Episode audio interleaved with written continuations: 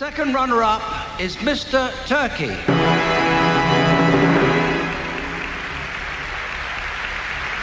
Bir dönemin paylaşılamayanı, magazinin renkli siması ve Türkiye'nin 1995 Mr. Turkey birincisi. Klip, dizi, tiyatro ve müzikallerde yer aldı. Başarılı yükselişi sektörde ve özel hayatında yaşadığı sıkıntılar nedeniyle kendisinin Türkiye'den gitmesine sebep oldu. Eski manken Karahan Çantay'ın adı 1999 yılında sanatçı Sibel Can'la anıldı. Vefatı haberlere yansıdığında ise ailesinin cenazesini almak istememesi dikkat çekti. Belki de onun hayatı hızlı yaşadı çabuk öldü sözünün somutlaşmış haliydi. Oda TV'ye hoş geldiniz. Ben Gamze İşler. Hayatın rengi başlıyor.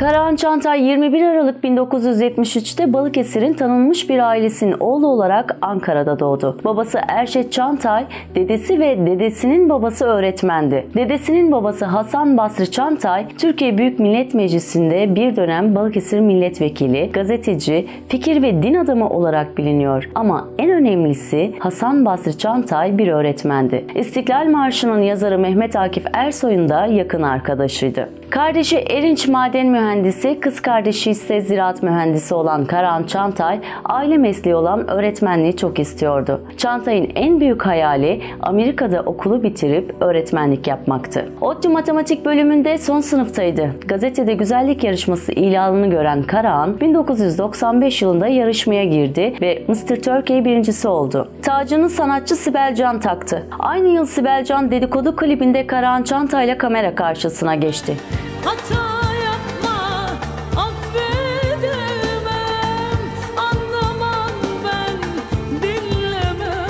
Podyumda yürümek matematikten daha kolaydı belki ama ayakta kalabilmek zordu. Bir röportajında bu iş yüzünden başıma gelmeyen kalmadı diyen Karahan Çantay, 1996 yılında ilk kez İstanbul'da düzenlenen Mr. World erkek güzellik yarışmasında Türkiye'yi temsil etti ve üçüncü oldu. The second runner up is Mr. Turkey.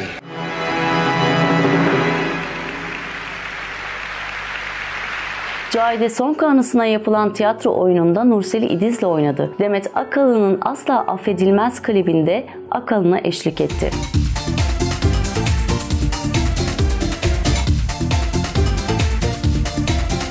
Sabah şovu sunduğu Zeki Müren anısına bir müzikalde yer aldı. Bu hızlı yükselişte okulunu bitiremedi. 1998 yılında Sibel Can'la bir dizide başrol paylaştı. Sanat camiasında fısıldamalar başlamış, Can ve Çantay'ın iş ilişkisinin yasak aşk söylentilerine yerini bırakması ve gazetelerin manşetlerine taşıdıkları iddialar hayatlarında bitişlere ve başlangıçlara sebep oldu. Sibel Can'a Karahan Çantay'la çekilmiş bir kaseti olduğu söylenerek şantaj yapıldı. Sibel Can'ın birçok kez nakit para ödediği, ödedikçe şantajın dozunun arttığı iddia edildi. Bir diğer iddiada Can'ın uzaktan akrabası olduğu ve kamuoyunda kara gümrük çetesi olarak bilinen Nuri Vedat Ergin kardeşlerden yardım istemesiydi. Bu iddia üzerine Hakan Ural gözaltına alındı. Karan Çantay'ın Onur Akay'a verdiği röportajı Akay bir televizyon programına bağlanarak şöyle anlattı. Bu yasak aşk bir gecelik oldu, öyle kaldı ve öyle yazılmasını istiyorum dediğini ifade etti. Hakan Ural ve Sibel Can olaylar sonucunda boşandı. Sanatçıların, mafyanın, mankenlerin ve Adnan Oktar'ın adının geçtiği olaylar sonrası Karahan Çantay Türkiye'den gitme kararı aldı. Yaptığı son röportajda yaşadığı ülkelerde taksici olarak çalıştığını anlattı. Uzun yıllar sonra Türkiye'ye döndü, hayalini gerçeğe döndürdü. ODTÜ Matematik bölümünden mezun oldu. Tayvan'a geri döndü. Öğretmenlik yapıyordu. Zaman zaman Türkiye'ye geliyor, ailesini ziyaret ediyordu. Birçok gazetede yazıldığı gibi yalnız değildi.